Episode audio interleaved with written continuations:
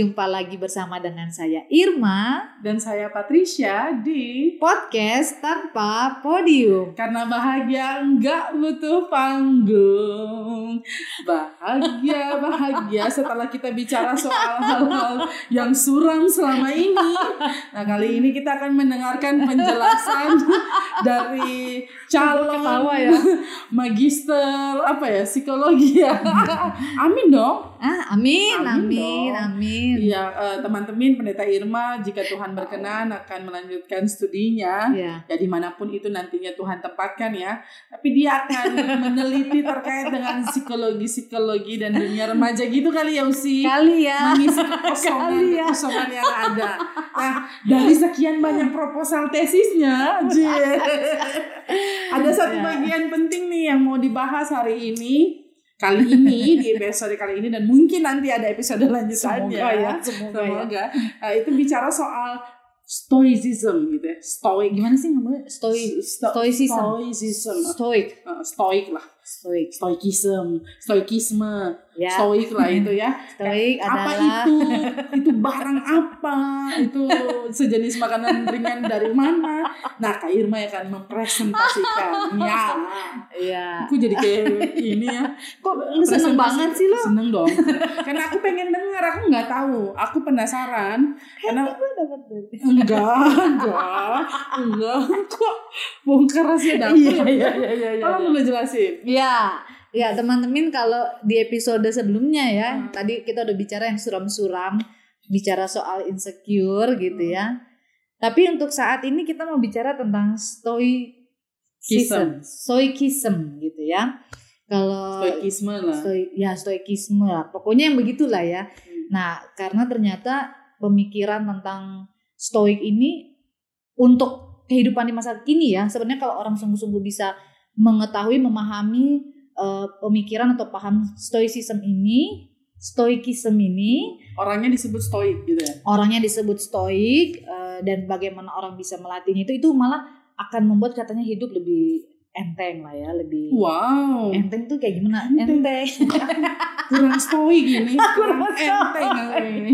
lebih tenang maksudnya Oke, begitu ya jadi yang pasti teman-teman mesti tahu dulu nih Hmm. apa sih yang dimaksud dengan stoikisme Aku juga pengen tahu sih. Iya. Apa tuh? Emang Apa tuh? belum tahu belum belum beneran beneran. Maksudnya pengertian yang detail itu ya kalau sebenarnya sederhananya stoikism ini eh, atau stoicism gitu lah ya ini sebenarnya merupakan paham yang justru dimulai dari eh, apa ya masa-masa Yunani kuno Romawi Hmm. kuno gitu ya non ya nah kalau mau orang Yunani dibilang pinter-pinter. Tapi kamu dari mana?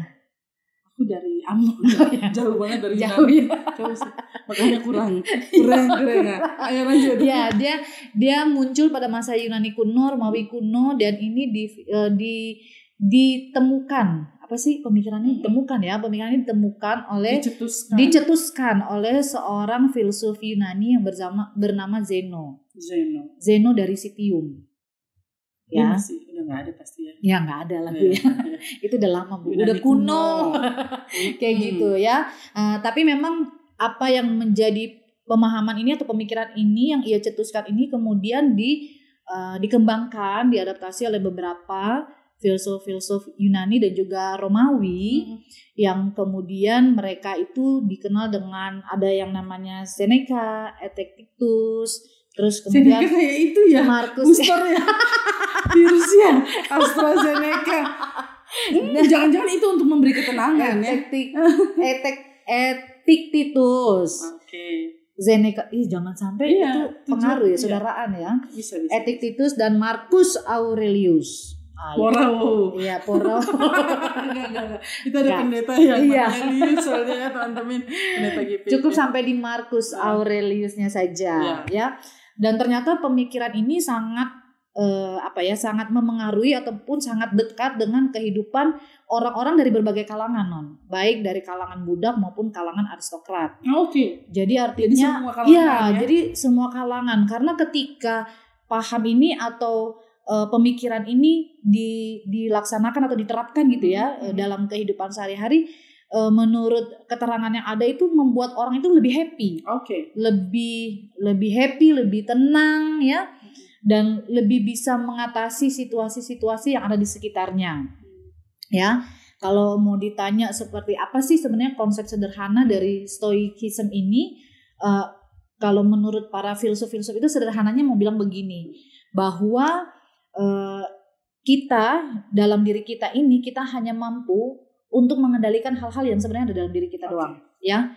Uh, ya contohnya kita bisa mengendalikan pikiran kita hmm. gitu ya. Terus orang mau ngomong apa tapi kita masih bisa untuk mengendalikan kata-kata kita, reaksi kita terhadap reaksi kita terhadap tindakan kita, hmm. kita masih bisa mengendalikan emosi kita. Okay. Tapi hanya itu yang bisa kita kendalikan. Hmm. Tapi segala sesuatu yang di luar kita, entah itu dia berupa peristiwa-peristiwa, entah misalnya bencana alam dan lain sebagainya, terus situasi-situasi ataupun tindakan-tindakan, pokoknya yang datangnya dari luar, dari orang lain, hmm. dan itu ternyata memengaruhi diri kita terhadap apa yang akan kita terima. Nah, itu yang kemudian sering kali membuat orang tidak bisa tenang, tidak bisa memikirkan hal-hal yang positif gitu ya. Dan itu yang membuat orang tidak tenang, tidak bebas, tidak tidak enteng. Mm-hmm. ke situ ya.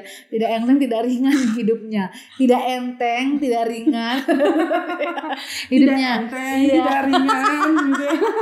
jadi jadi kayak begitulah ya. Makanya uh, pemahaman uh, stoik para stoik ini ya para stoik ya, ya benar, Um, mereka oh, sangat ini ya soalnya belum terlalu banyak beli.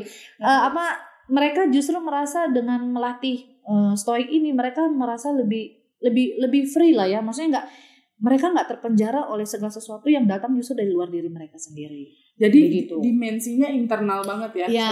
ini bicara soal hal-hal yang datang, ya. yang maksudnya yang dikendalikan dirinya. Ya Ya. Karena memang benar ya kita nggak bisa nutup mulut orang betul, ya. Betul, betul. Kita nggak bisa kendalin mulutnya orang, pikirannya orang. Kita nggak bisa mengendalikan segala peristiwa apa pun yang terjadi dulu. Kita kan nggak bisa mengendalikan gempa misalnya. Hmm. Kita nggak bisa, eh gempa jangan dulu ya. Eh, kita lagi take podcast. Ada yang bisa kendaliin itu itu hujan. ada marah. itu juga ya itu Lalu ya. kemudian ya. kita BMKG enggak emang udah waktunya berhenti. Ah udah Aduh, itu hal lain ya. Itu. Yang bisa kita kendalikan adalah diri, diri kita, kita untuk ya. memahami dan mempercayai yang mana. Betul. Ya nggak bisa paksa dong itu Betul. yang mana yang benar ya iya. itu urusan Mbak Rara iya. itu Mbak urusan BMKG urusan kita Mendingan adalah nonton podcasting nonton podcast tanpa podium aja oh iya, iya iya betul ya terlalu ini aku ya banyak bantu orang endorse iya benar ah, ngapain ya. oh forecasting itu oh, oh. itu, itu baru ngah ya teman-teman ada drakor yang bagus kok iya. forecasting ya soal uh, cuaca, cuaca ya jadi BMKG-nya uh, yang bisa diprediksi kalau iklim kan agak susah tapi kalau cuaca tuh yang hari-hari iya. gitu dan itu bagus ya semangat iya. energi mereka untuk iya. kemudian iya. uh, mengendalikan diri mereka juga bahwa mereka pada satu sisi tidak bisa mengendalikan iya. cuaca, cuaca tapi etos kerjanya bagus. Betul. Oke. Okay, Dan setidaknya kita paham bagaimana kinerjanya dalam orang-orang yang ada di bekerja Betul. di BMKG ya. Betul. Coding-coding dan lain sebagainya ya. itu Ternyata pakai data ya, Pakai ya? data, Bu. Oke, okay, kembali ke stoik. Nah, ke Jadi, stoik. Uh -uh. Lalu apa menurut menurut Usi gimana? Ini ini ini apa sih kok kata iya. Kenapa? Menurutku. Ya menurut. Anggap aja lagi sidang tesis. Enggak enggak. Men menurut Usi ini relevan. Kenapa sampai itu relevan untuk kita bicarakan ya, saat ini? Betul. Ya sebenarnya kenapa ini sangat relevan hmm. karena ya contoh ya non gak usah jauh-jauh lah kita sendiri nah. kita berhadapan dengan pandemi di mana kita udah kayak orang gila di iya. tahun 2020 kita kita, kita. kami berdua ya, ya teman-teman ya. mungkin teman-teman happy happy aja ya nggak apa-apa ya juga sih pasti ada yang juga, ya. juga. iya itu kan sesuatu yang memang di luar dari kendali kita gitu ya. hmm. ya Uh, dan dan untuk uh, pengalaman lah mungkin pengalaman pengalamanmu nanti uh, bisa kamu ceritain juga tapi setidaknya pengalamanku ya ketika hal itu terjadi hmm. itu memang sangat mempengaruhi diri kita kalau kita tidak betul-betul bisa mengendalikan hmm. ya sedangkan di, di masa itu saja untuk mengendalikan diri aja sulit ya hmm. dibilang sama uh, dokter di satgas waktu itu udah bu nggak usah iniin nggak usah nyalain HP-nya nggak usah ini tapi ya gimana ya kalau nggak nyalain gitu nah terus uh, hal-hal yang sering kali juga uh, sehari-hari ya, yeah. sehari-hari ya. Kadang-kadang kita mungkin bikin sesuatu terus orang bilang kok kerjanya gitu doang misalnya gitu ya. Hmm. Itu kan sesuatu yang kemudian membuat kita ih emang kerjaku kenapa ya Hmm. kerjaku nggak maksimal ya padahal yang bisa kita lakukan buat diri kita adalah ya kita berusaha apa yang kita punya. Dari waktu yang kita punya dari bagaimana kita melihat eh, kualitas bekerjanya kita eh, dan kemampuannya kita. Dan selebihnya itu sebenarnya itu udah ibaratnya gini tanggapan orang luar aja deh gitu loh. Hmm. tapi jangan memengaruhi diri kita untuk kemudian tetap bekerja, tetap berusaha, tetap menjalani hidup, tetap melakukan segala sesuatu dengan apa yang kita mampu gitu. Jadi jadi Ya. dia relevan karena Ya. yang seperti Usi bilang di awal bahwa Ya. eh, ini bukan hanya untuk kalangan-kalangan tertentu, Betul. tapi di semua kalangan. Mungkin Ya. juga eh, intergenerasi ya, betul, semua umur gitu betul. yang yang bisa kalau kalau menganut paham ini, kalau kalau kalau mengerti caranya, Ya, eh, dia mungkin bisa lebih tenang. Kita mungkin bisa lebih tenang. betul. Tapi sebelum sampai di eh, itu caranya gimana sih supaya dia jadi stoik dan lain sebagainya? Iya. Apa mirip dengan meditasi? Aku cuma mau, negasin. Berarti ini benar nggak ya sih? Dengan kata lain, eh, stoikisme itu mengatur ada dua dik, ada dikotomi, Ya, nama- mm. dikotomi antara apa yang bisa kita kendalikan dan apa yang nggak bisa kita kendalikan gitu ya sih. Iya. Makanya eh, aku pas mencoba menyimak pemahaman ini ya, Mm-mm. aku teringat satu sa- satu apa yang bisa dibilang mungkin satu pandangan yang aku baru dengar ketika aku bareng sama Kak Yudit. Tompah gitu ya. Dan itu sangat sangat aku pegang sampai sekarang. Dia mengatakan, "Udah tenang aja dalam hidup ini tuh kita harus hope for the best and prepare for the worst Iya. gitu ya." Jadi Pray for the best, Ah, with ah, hope and Ah, ya. oke, begitu. Jadi eh, hal yang kayak begitu ya, kita dalam hidup ini kita selalu berharap segala sesuatu itu berjalan yang baik, yang Hmm. terbaik gitu ya. Tapi kadang-kadang kita juga mesti melihat bahwa ada hal-hal yang bisa saja ter- terjadi dalam diri kita yang menimpa diri itu hal-hal yang nggak baik atau di luar dari prediksi kita, di luar dari rencana kita. Tapi ternyata menurut dalam pemahaman stoik ini itu bisa dilatih. Oke, Gitu. nanti kita bahas soal lagi dulu. Ah, Ini dulu nih Betul. terkait dengan uh, pray for the best, pre- uh, hope and pray for, For the, the best, best. prepare for the worst. Ya, Itu berarti kalau bicara hope dan pray Hmm. berarti ada hal-hal yang bisa kita kendalikan. ya, betul. Tapi ketika itu tidak terkendali di lu dan itu karena Ya. di luar kendali kita, ya, kita harus mempersiapkan juga Ya. hal-hal buruk yang terjadi itu. Iya, iya, karena yang Kayak- sering kali yang membuat orang itu jadinya eh, lemah atau nggak berdaya itu kan ketika dia merasa bahwa akhirnya situasi di luar dia yang mengendalikan dia gitu. Mm. Kayak bawa pay- payung sebelum hujan. Ya, Itu kan ah, pepatah usang tapi Iya. dia memang bermanfaat sampai saat betul, ini betul, gitu ya. betul. Lalu misalnya eh, ketika mau ujian, siapa pun kita ya Ya. dari kecil siap untuk Pertanyaan pertanyaan-pertanyaan yang sulit, gitu. Ya, Atau siap juga gagal ketika ternyata hal yang kita pelajari nggak masuk Iya. sehingga kita nggak mampu jawab. gitu ya, loh. ya, betul. Oke oke. Ber- Berarti salah satu caranya meditasi gitu atau gimana sih? Salah satu untuk memper, melatih diri kita ya, Hmm. salah satu cara banyak sih sebenarnya caranya untuk Oke. melatih itu ya. Eh, yang meditasi mungkin meditasi itu kan sebenarnya satu media yang menolong kita untuk hal yang paling utama ketika sesuatu tidak terjadi sesuai dengan yang kita pikirkan, kita rencanakan, tenang ya. Mm-mm. Sikap tenang itu kan sangat dibutuhkan ya. Benar benar. Eh, dan ketika orang tenang itu katakanlah dia bisa mendapatkan waktu untuk berpikir dengan jernih Benar. ya. Kemudian dia bisa mencerna situasinya dengan juga mencerna rasa yang dia muncul pada saat terjadi sesuatu gitu ya. Dan kemudian dalam ketenangan itu dia bisa memilih apa tindakan selanjutnya, keputusan apa yang harus dia ambil gitu ya. Mm-mm. Nah, tapi kalau Karena eh, salah satu bukunya ya Marcus itu kan Aurelius itu kan meditation. Ya, meditation menurut beliau. Nah, dan memang kalau kita sendiri, kalau kita memang merasa kadang-kadang kita ini hidup banyak dikendalikan oleh sesuatu yang di luar kita. Nah, Hmm. itu ternyata ada cara melatih dirinya. Oke, Nah, cara melatih dirinya. siap. Ya, Apa aja tuh? cara melatih. Jadi kalau pemahamannya gini, kalau ternyata itu berhasil pada masa dulu ya, berarti kehidupannya kan nggak beda jauh. Mungkin perkembangannya aja yang berubah ya, zamannya aja yang berubah. Masalahnya aja yang eh Ah, ah. tapi kayaknya core dari masalah itu sama. sama Ah. gitu. Sehingga kalau di masa lalu itu eh, berhasil setidaknya menolong orang untuk mengatasi situasi-situasi yang sulit yang tidak mampu dia juga eh, tangani gitu ya dan harus berdamai dengan itu pasti di masa sekarang juga itu bisa kita eh, terapkan gitu ya. kita terapkan. Karena memang buktinya orang Indonesia banyak juga sekarang Ya, kan banyak. sudah jadi stoik ya. Ya, banyak. Dika, Ya, betul. Marisa. Marisa begitu ya, Marisa banyak. siapa sih? Marisa, Marisa. Itu loh kalau nggak salah dia yang presenter Ya, ya. Itu eh, dia juga menjelaskan tentang stoikisme ini yang Oke. ya. Nah, Kita masuk di melak bagaimana cara bagaimana cara kita melatih Hmm. Stoik ini atau bagaimana kita berupaya belajar menjadi seorang stoik ya? Hmm, Yang pertama itu dibilang itu melatih kemalangan. Oke. Ternyata kemalangan juga ketika itu terjadi dalam diri kita kita harus Coba kita melatih. latihan. Gimana caranya? melatih kemalangan. Ya, melatih kemalangan itu ya bahwa kadang-kadang ada segala sesuatu yang tidak bisa kita eh, kita nggak bisa berharap hidup itu selalu bicara tentang keberhasilan, kesuksesan, ya kan? Tapi hidup itu juga bicara tentang hal-hal yang malang, hal-hal yang gagal, hal-hal yang tidak berhasil dan lain sebagainya gitu. Tapi ketika kita cenderung untuk emosional, ketika malangan mempersalahkan diri sendiri ataupun situasi di luar kita. Nah, justru di sini kita diajar untuk melatih kemalangan. Bagaimana kita bisa Contoh konkretnya Eh, dong. Iya, contoh konkretnya ya berdamai dengan itu gitu. Maksudnya eh, kegagalan itu tidak dipandang sebagai akhir dari apa yang dia sudah upayakan, apa yang menjadi kerja kerasnya begitu kan?